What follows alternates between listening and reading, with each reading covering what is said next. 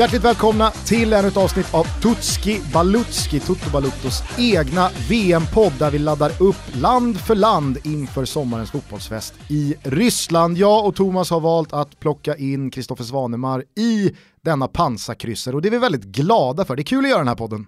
Mycket roligt och framförallt är jag taggad på det här avsnittet eftersom jag ju är kvartsdansk. Är du Är du kvartsdansk? Jajamän, morsan heter Steffensen. Alltså nu när du säger det, nu när du säger det så trillar fan en polett ner Svanemar. Alltså, han har Va? ju ett mer danskt utseende än svenskt. Vet du vad det danska utseendet är? Det är det lite kaxigare svenska utseendet. Ja, jag Jag trodde du skulle säga rödlätt, men okej. Nej, det har egentligen inte med rödlätt, alltså det är någon jävla uppsyn ni har, i- ni jävla danskar. Jag ger mig inte in i det där sen jag i ett Toto för några veckor sedan eh, började härja om vallon. Fick Nej, man ju på tasken för. Vet du vad? Det är ni som kastar sten i huvudet på folk på skolgården. Ja, lite så. De jävliga små ungarna. Mm, där känner jag igen mig. Fy fan. Dricker Ja, jag visste 18 att det var det. Tuborg och knockar domare. Ja, Det är vad känner, ni sysslar Det är med. mer vallonskt. Danske jävla. Här känner jag också igen mig. Nej men det här är ett avsnitt som du Thomas rattar. Exakt, jag kommer ta er från då ja, Skåne. våra punkter, ja från, precis. Nej men från kvalet då, hela vägen till Ruben, när vi ger er vårt bästa spel, mitt bästa spel i det här fallet då på, på dansken. Och det är någonting som vi gör tillsammans med Betsson. Det är Mm. de som gör den här podden möjliga. Jävla härligt. Tack till Betsson va? Mm, tack till Betsson. Eh, vad känner du annars kring Danmark förutom att eh, poletten här nu trillade ner kring Svanens yttre?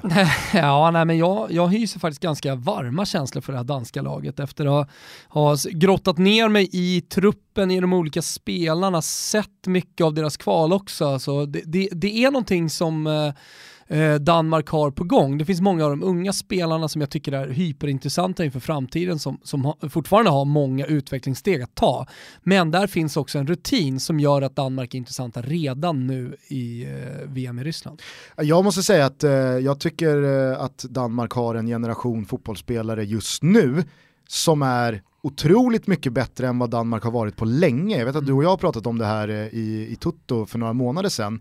Eh, när det var danska förgrundsfigurer i topplag runt om de europeiska ligorna i princip överallt och det kändes som att fan Danmark har inte bara någonting på gång utan har någonting här och nu som är jävligt spännande. Ja, och det är ju det, är det man slås av när man kollar. Visst, man, det är lätt att stirra sig blind på Christian Eriksen, stjärna i Tottenham, men går man in och bara kollar den danska truppen och sen kollar vad det är för klubbadresser så är det ju toppligor i Ja, hela det, Europa. Det, det är det verkligen. Sen så, sen så är det ju såklart att det är så. Det är mycket tre getingar eh, över den danska truppen. Men många av de tre getingarna har också en topp som de inte riktigt har nått än.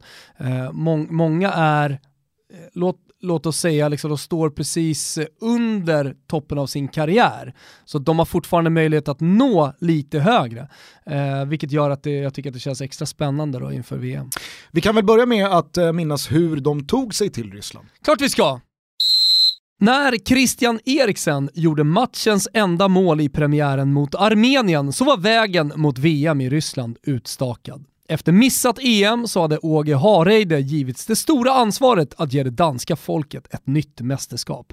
Han förfogade över en mix mellan talangfullt och rutinerat, en trupp som kändes både spännande och förhållandevis tung i positiv bemärkelse. Och så hade man fixstjärnan. Det var via Christian Eriksens magiska högerfot som mästerskapet skulle bärgas i slutändan.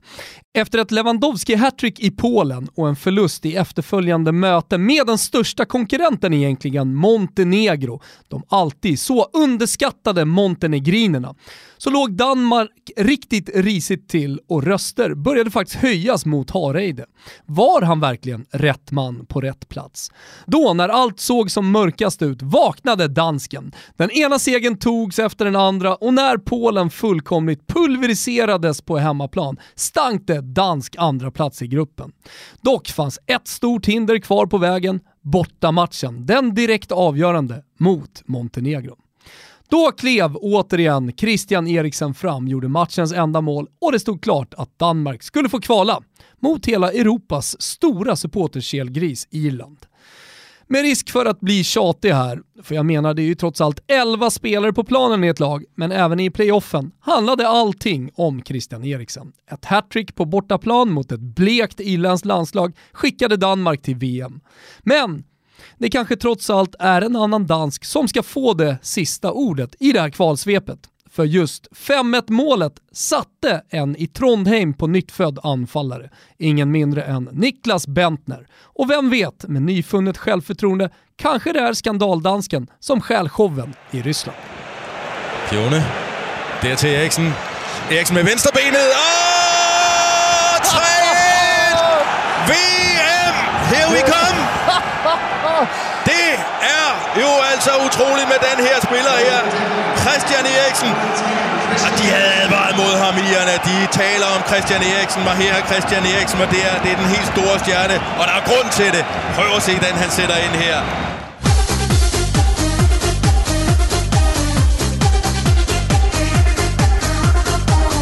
Härligt!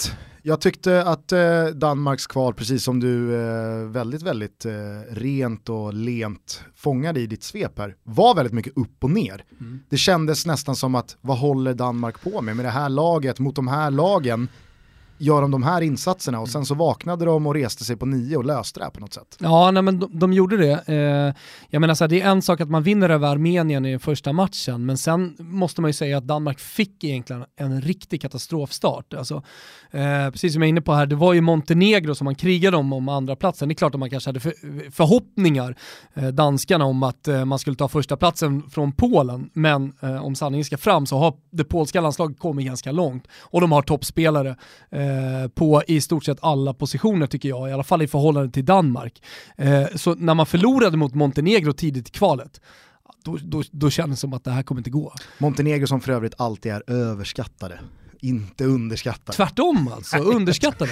jag tycker det alltid snackas upp att Montenegro, de är fan bättre än man tror. Nej, alltså, tvärtom. Alltså, jag, jag, jag håller, så jag, ser man de här matcherna. Nej, då, då har du helt missat uh, hur det surrades kring Montenegro när Sverige hamnade i samma grupp inför EM. Då var det så här, ja men det är klart, tredjeplatsen.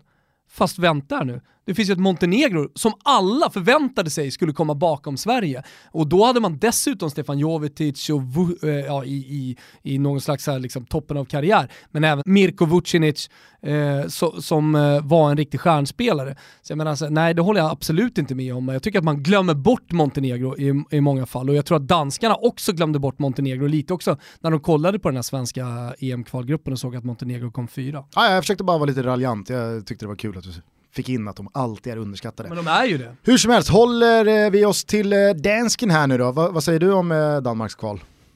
Till en början så var det ganska roligt, för vi får inte glömma att jag är fortfarande 75% svensk och med tanke på när grupperna lottades så man såg att Danmark fick på pappret ju en svagare grupp än Sverige. Ja, betydligt. ja, alltså Polen och, och, och, Montenegro mot vad vi fick då, Frankrike, Holland. Ja. Och så när vi börjar så pass bra och dansken går dåligt och är på väg att missa, då var det ju som skadeglädje igen. Att ska Danmark återigen falla ihop som ett korthus? Eh, nu klarade man ju av det till slut och med det här playoffet mm. så får man ändå säga med det, papp, eller med det laget de har på pappret så ser det ju onekligen bra ut. För det är många spelare som kommer till VM nu i form och har gjort bra säsonger i sina klubblag. Så att ser bra ut. Jag skulle snarare säga att den där 5-1-segern mot Irland, det var inte bara en excellering av Eriksen och eh, Danmark, utan det var ju också en avmyggning av Irland som en stor fotbollsnation. De Har de på... någonsin varit en ja, stor Ja, men det får man väl ändå säga. Nu känns det som att den där matchen tog fan Irland hela vägen ner i blåbärskällan. Ja. ja, faktiskt alltså. Det var klasskillnad. Bra supportrar, inte mycket mer. Nej, kanske inte. Nej, men eh, hur som helst, det var, på det här sättet kom man dit och man gjorde det då med en förbundskapten som jag nämnde var lite kritiserad i inledningen av eh, eh, kvalet, men som sen nu då höjs såklart till skyarna, som man har gjort många gånger tidigare. Vi har kommit till punkten förbundskapten Åge Hareide.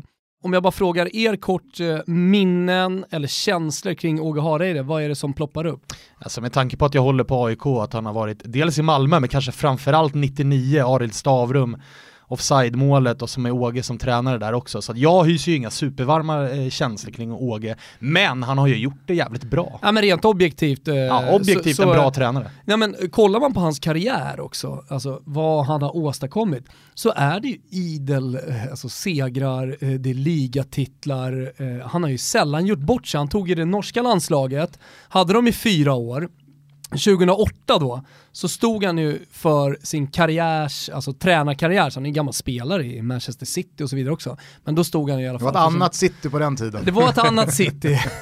Många 14-åringar som lyssnar på den här podden nu som sitter och bara Va? Har han lirat i city? Hur bra var han egentligen? Helvete! Åge var långt från degen i Abu Dhabi. Ja det var Ja, han ja, verkligen. ja. Han, jag tror han var i Norwich eller någonting sånt där. eh, Efter, Ja, fan, Åge har ju tagit Helsingborg till ett Champions League-gruppspel. Ja, alltså. ja, nej men exakt, alltså, så, här, så, och i, i, i, i hans tränarkarriär så har han i stort sett alltid lyckats. Men 2008 så gick det rätt åt helvete med det norska landslaget. Vet du vad han lyckades med för bedrift? Nej. Han vann inte en match. Det var till och med så att han förlorade precis alla matcher under hela 2008. Det är starka papper. Det är starka papper, Åt fel håll. Ja, åt fel håll. Då tänkte jag bara så här, nu går det åt skogen för Åge Hareide. Man kom tillbaka, precis som du är inne på här Svanemar. Ja, men du, Eh, frågade, du frågade om eh, spontana intryck Ja. kring Åge Hareide där. Ja, du får också säga ja, men där, där måste jag säga att eh, precis som Svanen nämnde här så fick ju Danmark en ganska tacksam lottning Mm. eh, för det här VM-kvalet. Och det tror jag var avgörande för att Åge Hareide ens skulle överväga att lämna ett Malmö han nyss har vunnit guld med, som han har fört till Champions League, en stad och en klubb som han är liksom högaktad och älskad i. Spelarna vill ha kvar honom, klubben vill ha kvar honom, supporterna vill ha kvar honom. Ändå så rycker han upp rötterna och tar sin förmodade ganska lyxiga bil över eh, Eller ta en bron, båten. färjan Ja. färjan. Nej men, och, och det förvånade mig, det kommer jag så väl ihåg när den eh, bomben briserade, att Åge Hareide lämnar Malmö FF och blir dansk förbundskapten. Känner så här, va? I det här läget? Malmö är ju på väg att eh, vara Jo, ensam ska- herre på täppan Ja. i den nordiska fotbollen. FCK är lite på väg ner, Malmö är på väg upp, Rosenborg är inte alls vad Rosenborg en gång har varit. Fan Åge måste ju Men älska Åge det. Och så tar han det danska landslaget med en del spelare på väg ner. Alltså, eh, då tänker jag på han, eh, vad heter han, eh, som har spelat i Sevilla i massa år. Krondeli. Exakt, Kron Daly och en Simon Kjär som kändes som att kommer han lyfta någon gång, Bentner Ja. hade bärsat bort sig, eh, Schmeichel var så här, ah, Kasper Schmeichel han kommer ju aldrig bli sin farsa och så vidare och så vidare. Eller? Nej, men Men- det, men det, vet du var, vad, det, var, det, var, förvånande tycker jag i alla fall Ja. när han tog Danmark. Tills man gör gruppen- jobbet då, eftersom det är jag som har gjort Danmark Augusten och inte du, jag lyssnar på vad Åge Hareide har sagt i intervjuer och anledningen till att han tar Danmark. Alltså för, för, precis som du säger fanns det en tvekan från första början. Men kollar du på hans karriär så har han inte varit speciellt länge i de olika klubblagen som han har varit i, utan han har bytt eh, destinationer ganska ofta. Eh, så där, redan där så kan man ju hitta någonting i att liksom, när man har nått toppen, vilket han gjorde med, med Malmö FF, vann SM-guld, han tog dem till Champions League, han, gjorde eh, samma sak med, han har gjort samma sak med Helsingborg tidigare. Sen efter det så har han lämnat. Alltså jag tror att han kände, eller, och det har han också sagt, att han har tagit Malmö så långt han bara kan ta Malmö med de förutsättningar som finns. Och när han började kolla på det danska landslaget, då tänkte han till skillnad från det du då målar upp som en bild av att ah, nu är det många som lämnar, eh, det är ett slags generationsskifte och så vidare, det kanske inte är jättehett det här, så såg han ju potentialen i alla de här unga spelarna som är på väg upp i den danska fotbollen, som har mycket större potential skulle jag säga, än vad de tidigare spelarna som spelar i danska landslaget, eller de som var på väg att lämna hade. Ja, ja, för att jag, alltså jag pratar ju om en tid som bara var några månader efter att Sverige hade slagit ut dem i playoffet till EM. Och om ni minns de 180 minuterna så kände man ju verkligen, fan det här Danmark är ganska långt ifrån Sverige. Ja, verkligen. Men när man nu sitter och tittar på det så är det ju återigen hatten av för Åge. Eh, han hade Han- ju rätt. Ja, nej, men exakt, och kollar man på de unga Har Åge spelarna som är på alltid väg rätt? Man skulle nästan kunna säga det alltså. Och Norge är väl Det är i alla fall undantaget. lättare att säga att han alltid har rätt än att säga att han alltid har fel. Så att, jag menar, vi, vi är mycket närmare den sidan. Vi tar oss vidare Gusten. Jajamän, Svanemar, är du med? Jag är med. Ja, vi tar oss till MVP. MVP i, eh, i Danmark. Ja, här behöver man inte vara någon eh, fotbollsanalytiker av världsklass va? för att plocka ut eh, MVP i Danmark. Det är Christian Eriksen. Jag pratade om honom här i kvalsvepet. Eh, han är fantastisk. Han har återigen också stått för en fantastisk säsong i Tottenham. Så att jag menar så här, Christian Eriksens karriär, den är inte på väg att på något sätt avstanna, utan Christian Eriksen, han har ytterligare ett par kliv till att ta. Eh, och han har ju också visat eh, att han kan leva leda det danska landslaget eh, genom eh, ett stort spel. Och det är inte alla som klarar av det. Det finns många stora fixstjärnor i mer eller mindre eh, stora landslag som har eh, men inte pallat trycket helt enkelt. Men det gör ju eh, Christian Eriksen, gör åtta mål i det här kvalet, han gör avgörande mål dessutom. Eh, Armenien-matchen som jag nämnde, den löser han. Löser Montenegro borta också, eh, 1-0 och gör ett hattrick mot, mot Irland. Så han är faktiskt så jävla mycket MVP som man kan bli i ett landslag.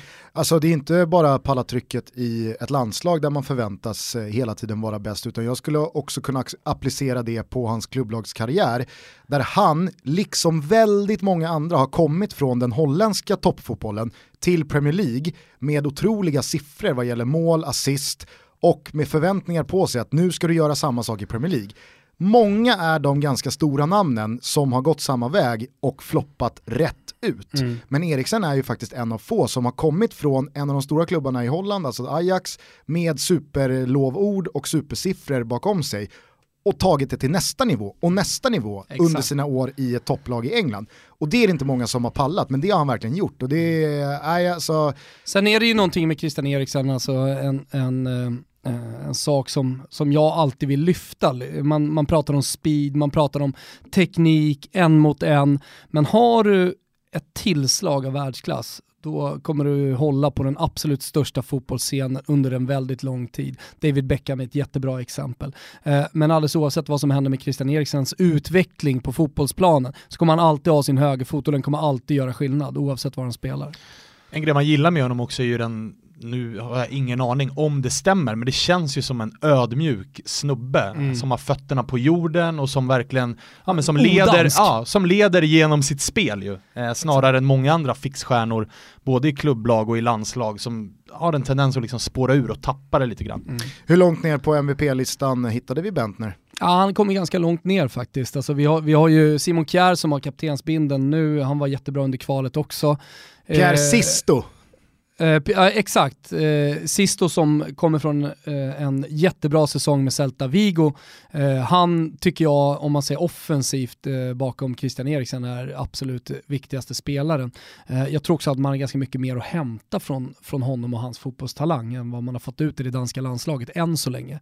Alltså där, där har man lite joker inför, inför det här mästerskapet. När alla tänker på, på Christian Eriksen så kanske det är Sisto som, som, som gör det. Vi rullar vidare till nästa punkt och där hittar vi stjärnskottet. Hörrni. Och jag pratade om många danska intressanta spelare, många råtalanger där ute i Europa just nu.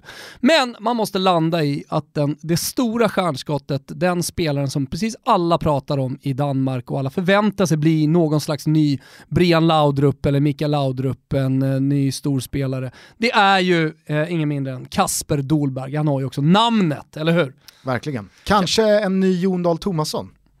Ja, det skulle jag inte säga. Jon Dahl Tomasson betydligt mer nia. Det här är, det här är en eh, mycket mer teknisk spelare, han har en fantastisk spelsinne, han har också eh, känsliga fötter. Så att, eh, här, här, pratar vi liksom om, om en modern offensiv eh, eh, säga, egentligen offensiv mittfältare som, som snuddar vid att vara anfallare också. Ska vi bjuda på bonusinfon att eh, Jon Dahl Tomasson, eh, numera assisterande förbundskapten för Danmark, nyligen var uppe i rätten Eh, och hade en eh, civiltvist mot en kvinnlig stalker. Mm. Mm, det är vardag i Danmark. Alltså, känns som att det inte är så mycket stalkers i Sverige. Jag vet att det är väldigt stort internationellt med stalkers. Ja, svanen sitter ju bara och nickar med här. ja, det, här, det är inga konstigheter. Det är danskt. Ja, nej men det, det, som jag sa, det finns många intressanta. Man skulle kunna nämna Andreas Christensen här till exempel. Eh, eh, med, och, eh, jag menar, det Andre, Andreas Christensen har gjort i Chelsea är såklart stort, att han har, har, fått så mycket speltid som han ändå har fått.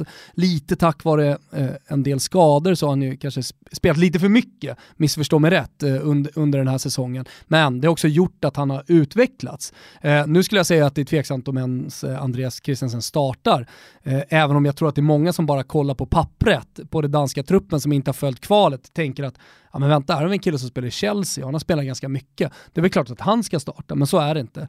Eh, eh, Kasper, Dolberg är inte heller en spelare eh, som nödvändigtvis behöver starta för, för det danska landslaget. Eh, men han har sett fin ut nu på senvåren. Han har gjort mycket mål för Ajax där han spelar.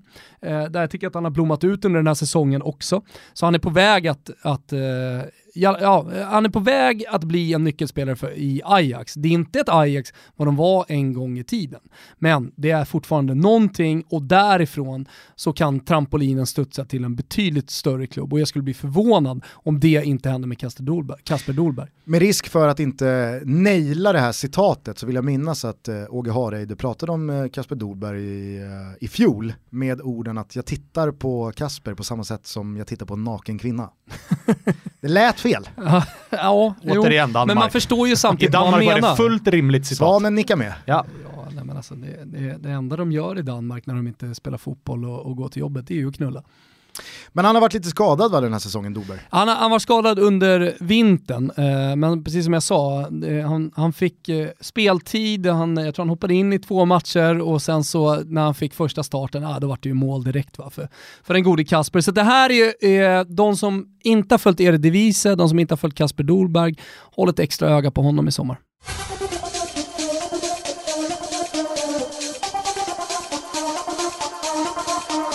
Vi tar oss till snack snackisen, det brukar ju alltid finnas en del rubriker runt det danska landslaget och inte minst då Niklas Bentner. Ja, exakt. Eh, och det, det, finns mycket man kan prata om eh, det danska landslaget. Det som har varit den stora snackisen de senaste åren är ju att eh, oavsett vad vi tycker om den danska truppen, att man tycker att det har varit en underprestation. Alltså det var ju verkligen lågvattenmärke när man förlorade playoffet mot Sverige. Det tog tungt på danskarna. Därför tycker jag också, det måste, det måste jag nämna, att Åge Hareide verkligen har gjort ett fantastiskt jobb att få den starten, att ändå bygga upp självförtroende i truppen igen på så lite tid som en förbundskapten har också. Och, och skapat ett, en, en, en, ett vinnarlag som vinner 4-0 hemma mot Polen. Dessutom efter en så långvarig, älskad Exakt. förbundskapten som Morten Olsen. Mm. Verkligen, sen var ju alla överens om att hans tid var över. Liksom. Men, men, men det var inte ett lätt läge, men, men han gjorde det bra. En sak som han också har gjort, det är att tagit in eh, Niklas Bentner återigen i värmen. Och det är ju den stora snackisen i det danska landslaget. I alla fall om man, om man tittar på Danmark utifrån. Det är inte om William Kvist eh, ska, ska spela från start eh, eh eller eh, om eh, det är liksom eh, Mattias Jörgensen eller Christensen som går in i, i försvaret, utan det, det är självklart liksom, va, va, hur hanterar hanterar man Niklas Bentner i, i ett mästerskap? Där har Danmark, alltså det ska sägas, fina anfallare alltså. Nik eh, Nikolaj Jörgensen, sprutat in mål i den holländska ligan de senaste åren. Alltså någon som man verkligen kan lita på. Man har Andreas Cornelius, på tal om de unga spelarna, eh, som har fått lite av ett break i Atalanta den här säsongen. Eh, och så vidare. Så, så att jag menar så här, vad, vad gör man, vad, hur, hur, hanterar man Niklas Bentner inför det här mästerskapet? Hur hanterar vi Niklas Bentner, världen? Eh, för jag tycker, på tal om ödmjukhet och, och Christian Eriksen, så tycker jag att eh, Niklas Bentner har blivit lite mer ödmjuk när han har gått ner och spelat i Trondheim, i Rosenborg. Eh, han har hittat tillbaka till målen, hittat tillbaka till glädjen att spela fotboll, vilket också han pratat om i, i, i intervjuer och, och liksom är väl mer av, han, han har, det, det känns som att han, han har gjort sina utsvävningar. Eh, nu ska, nu ska jag inte göra för stora eh, kop, eller jämförelser, men, men så här, lite Mario Balotelli va? Alltså som, det var för mycket liksom why always me och jag skulle hela tiden stå i i centrum och det var raketer i badrummet och allt möjligt. Så här. Niklas Bentner hade sina grejer som han gjorde för att hela tiden stå i centrum. Nu, nu har han tagit ett kliv tillbaka, precis som eh, Super Mario, och eh, hittat sig själv, i alla fall fotbollsspelaren, på ett annat sätt och glädjen att spela fotboll igen. Så att, skulle fan inte förvåna mig om, om, eh, om eh, Bentner gör ett riktigt bra VM. Alltså känslan är ju att han framförallt har fattat att han inte kommer bli bäst i världen och det har han ju gynnats av. För att det var ju, där var det ju ett danskt storhetsvansinne som var liksom han kunde inte själv hantera det. Nej, exakt. Och jag menar så efter tiden i Arsenal, alltså han kom till Arsenal så, så, så, så byggde han ju på det självförtroendet. Kanske en lite skev självbild då. Mm. Ja, men jag skulle säga det att eh, jag, jag har inte följt eh, tippeligan speciellt nära, heter väl inte ens tippeligan längre. Jag tror att de har eh, bytt Vem namn på den norska högsta eh, divisionen. Hur som helst, hade jag gjort det så hade jag säkert haft en bättre bild av Niklas Bentner anno 2018, men han är ju en av de spelarna, jag tycker Balotelli är ett väldigt bra exempel på, i synnerhet i landslagssammanhang, att antingen så ska man spela en sån spelare från start och bygga ett spel runt honom, eller så ska han inte vara med för att han gör mer skada utanför en startelva men i en trupp mm. än vad han gör utanför. Och återigen då, jag vet inte den dagsfärska statusen på Bentners humör gällande att vara spelare tre på en anfallsposition i ett danskt landslag. Men är det så, så kan jag tänka mig att Åge också är i de banorna att är det så smart att ha med Niklas Bentner som inte är tänkt att starta? För jag, jag tror att eh, Alexander Axén, han sa ju det om eh, Kennedy Bakircioglu i, i fjol, att det är svårt med Kennedy i Hammarby för att antingen spelar du honom och då har du problem. Eller så spelar du honom inte och då har du ännu mer problem. Alltså lite är det ju lite så med, alltså med Bentner också. Men det, de, de där diskussionerna har funnits eh, i liksom hela fotbollshistorien. Och Ja. jag menar så när en spelare nästan är större än, än ett lag. Ja, och därför är det ju precis som med Balotelli, kanske bättre att om man inte är tänkt att starta och vara ordinarie, Men nu kommer, nu kommer Mm. Niklas Bentner vara med i den danska truppen. precis, så och, det, det därför blir, och därför blir det spännande att se hur han hanterar en eventuell bänkplats. Ja. Nej, och, och, som det verkar, och, och som sagt, som, som Bentner säger själv, jag menar att ett mästerskap pågår inte i, i fyra månader som en säsong. Alltså där, där har du liksom en- ett större problem med just den grejen som du säger. Eh, ja, det är klart att Åge Hareide har redan haft det snacket med Bentner. Och det handlar om, och där kommer vi till förväntningarna alldeles strax Gusten, utan det handlar om att vara i Ryssland i två veckor. Två veckor, Mm. jag har dömt ut dem. Ja. ja, nej, men om vi rör oss vidare då till punkten förväntningar, ska du Ja. bara kort dra Danmarks grupp? Ja, det kan jag göra. De har ju hamnat i en hyfsat gynnsam grupp får man ju ändå säga, om man ska ta sig vidare som tvåa. Eh, de går väl upp mot Peru eller kanske Australien. Australien vet man ju sällan eh, vad man har. Det är också ett så landslag som brukar höja sig i mästerskapen faktiskt. Eh, men eh, det är ju rimligt att tro att Danmark kommer tvåa i den här gruppen.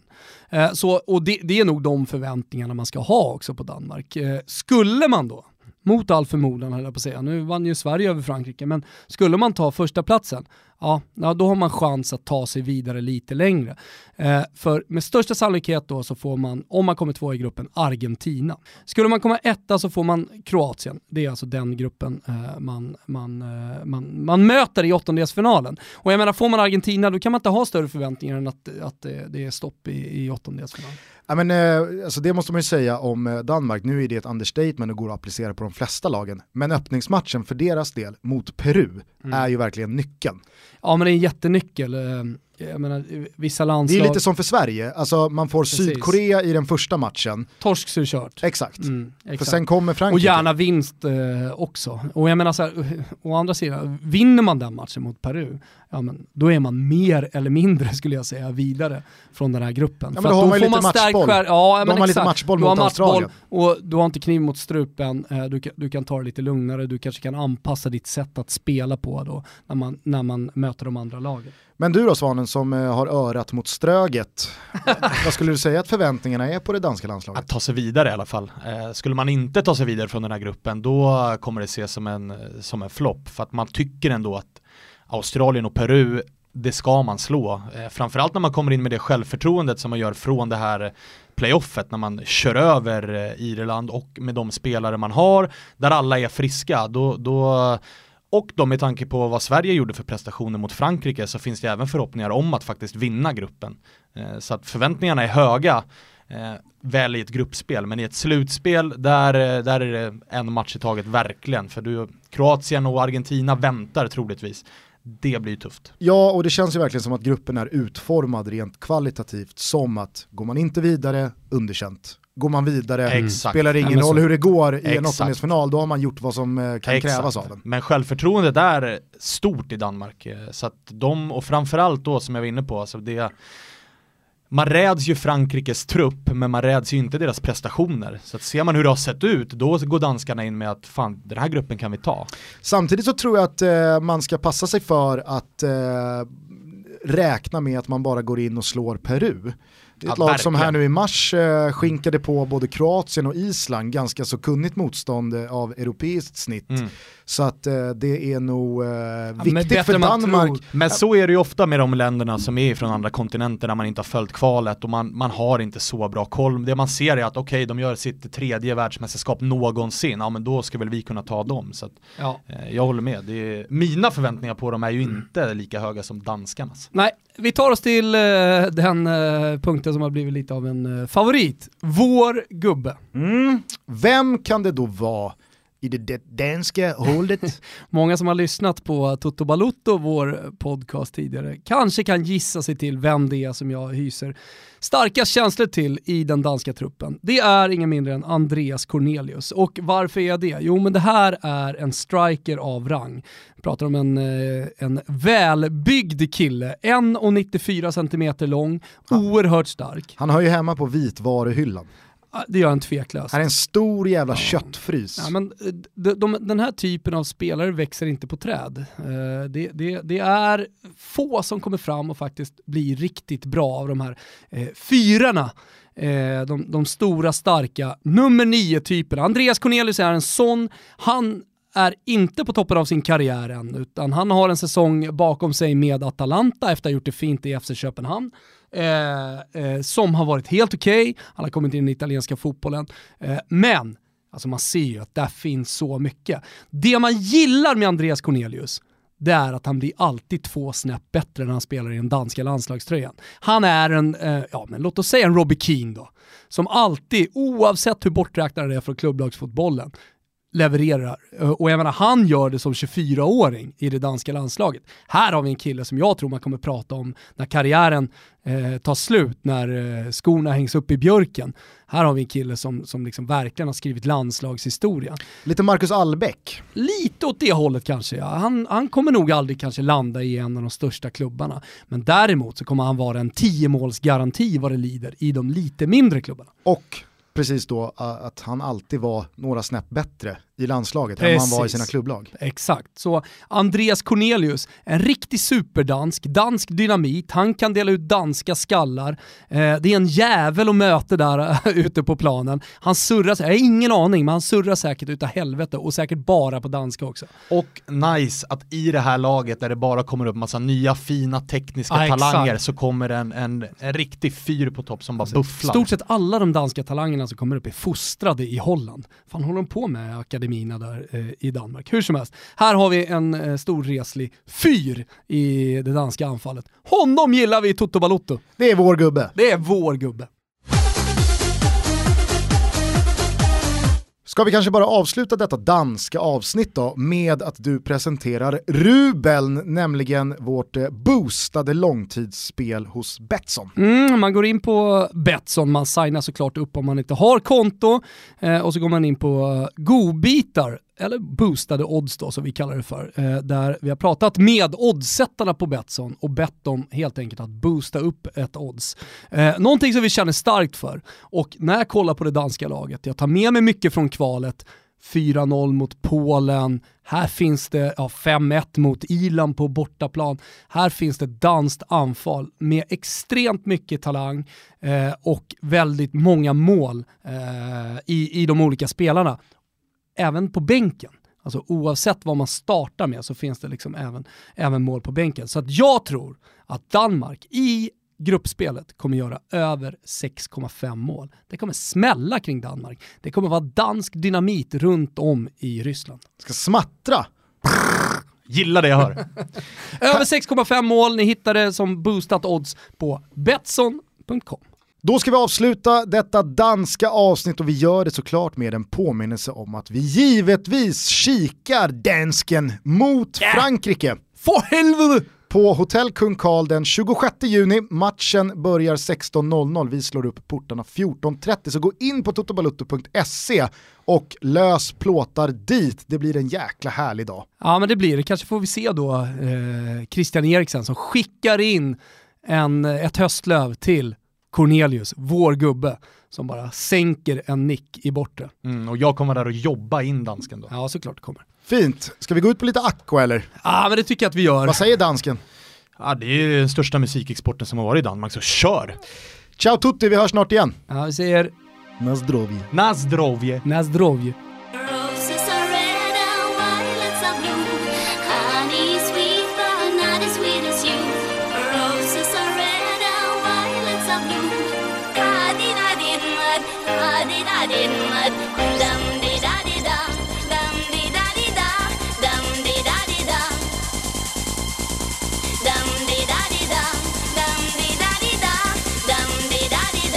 Come pick my roses.